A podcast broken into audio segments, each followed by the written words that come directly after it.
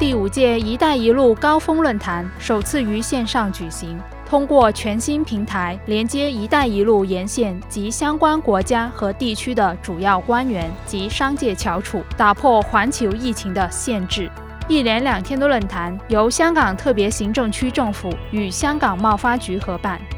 以“洞悉先机，共建可持续及共荣的未来”为题，演讲嘉宾和参与人士深入探讨“一带一路”倡议在疫情后带来的新机遇。揭开论坛序幕的政策对话环节，聚焦讨论“一带一路”沿途市场经济政策的未来方向。而出席主论坛的演讲嘉宾就集中讨论可持续和共荣发展。如何结合数码急速转型，以协助全球的经济复苏。Sustainability and inclusiveness go together because for um, uh, a solution or way of doing to be sustainable, you need uh, the contribution of all. When we look at the future, uh, there again, on, on it's a kind of triangle between sustainability, inclusion, on digitization because digitization allows you to do one thing which is to share and therefore you can get the best of all the stakeholders to improve together. We started five years ago under the Internet of Things, on the development of AI, is changing completely the way we live. So we are just at the beginning of that revolution.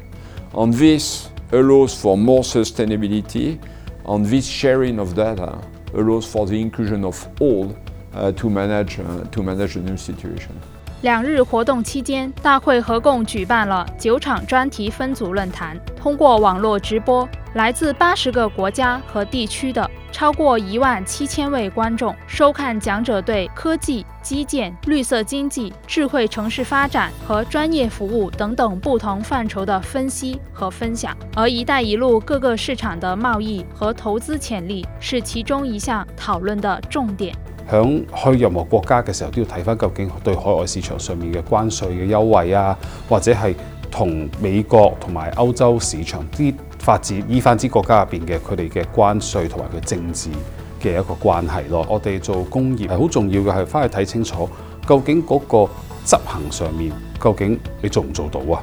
你有冇啱嘅團隊、政府嘅做事嘅方法、宗教？當日亦有專題分組論壇，給初創企業發掘「一帶一路」的商機。出席的初創負責人對後疫情時期經濟復甦帶來的機遇充滿期望。Starting in April, we provided COVID-19 testing here in Hong Kong, and in the UK, we also provided COVID-19 testing to the Premier League, eventually helping them resume their season. I think the key thing now for us is, okay, how do we further innovate?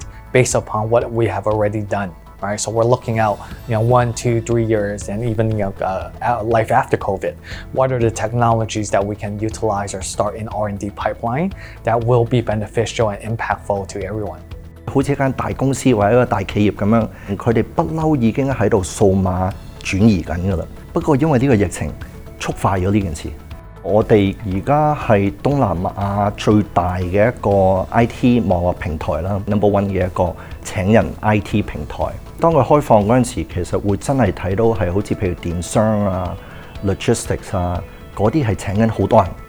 咁所以一帶一路呢啲咁嘅 event s 會俾到我哋一個機會，可以 feel 到下全世界個誒走態去咗邊咯。除了论坛、展览、商贸配对和投资项目推介等一带一路高峰论坛常设的活动，今屆亦转到网上进行。服务提供者、项目拥有人和投资者通过网上平台与其他参会人士联系交流，了解市场最新资讯，发掘合作机会。二零二零年的「一带一路」高峰。论坛于线上举行，展示了应对新常态的新模式。